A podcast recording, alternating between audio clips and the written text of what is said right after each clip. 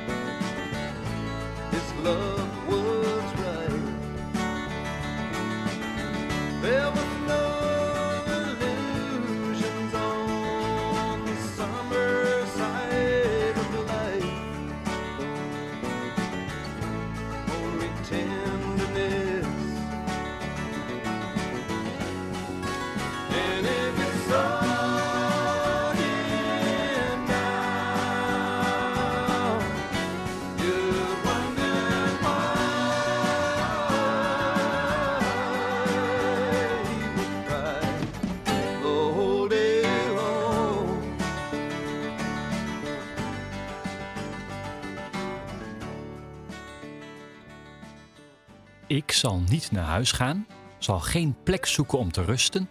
Ik zal niet proberen te slapen. Ik zal mijn ogen niet dicht doen voordat ik een plek heb gevonden voor u, Heer. Een woning voor u, de machtige God van Jacob. Dat is vreemd. Moet God geholpen worden aan een woning? Is de machtige God in de hemel dakloos? We lezen deze psalm in een serie van pelgrimsliederen. God woont dus in de tempel in Jeruzalem. Daar moet je heen, want daar woont God. En er staan ook verhalen in de Bijbel waarin God zijn woning in de tempel verlaat op het moment dat mensen niet meer in hem geloven, wanneer ze zich niet meer houden aan zijn wetten.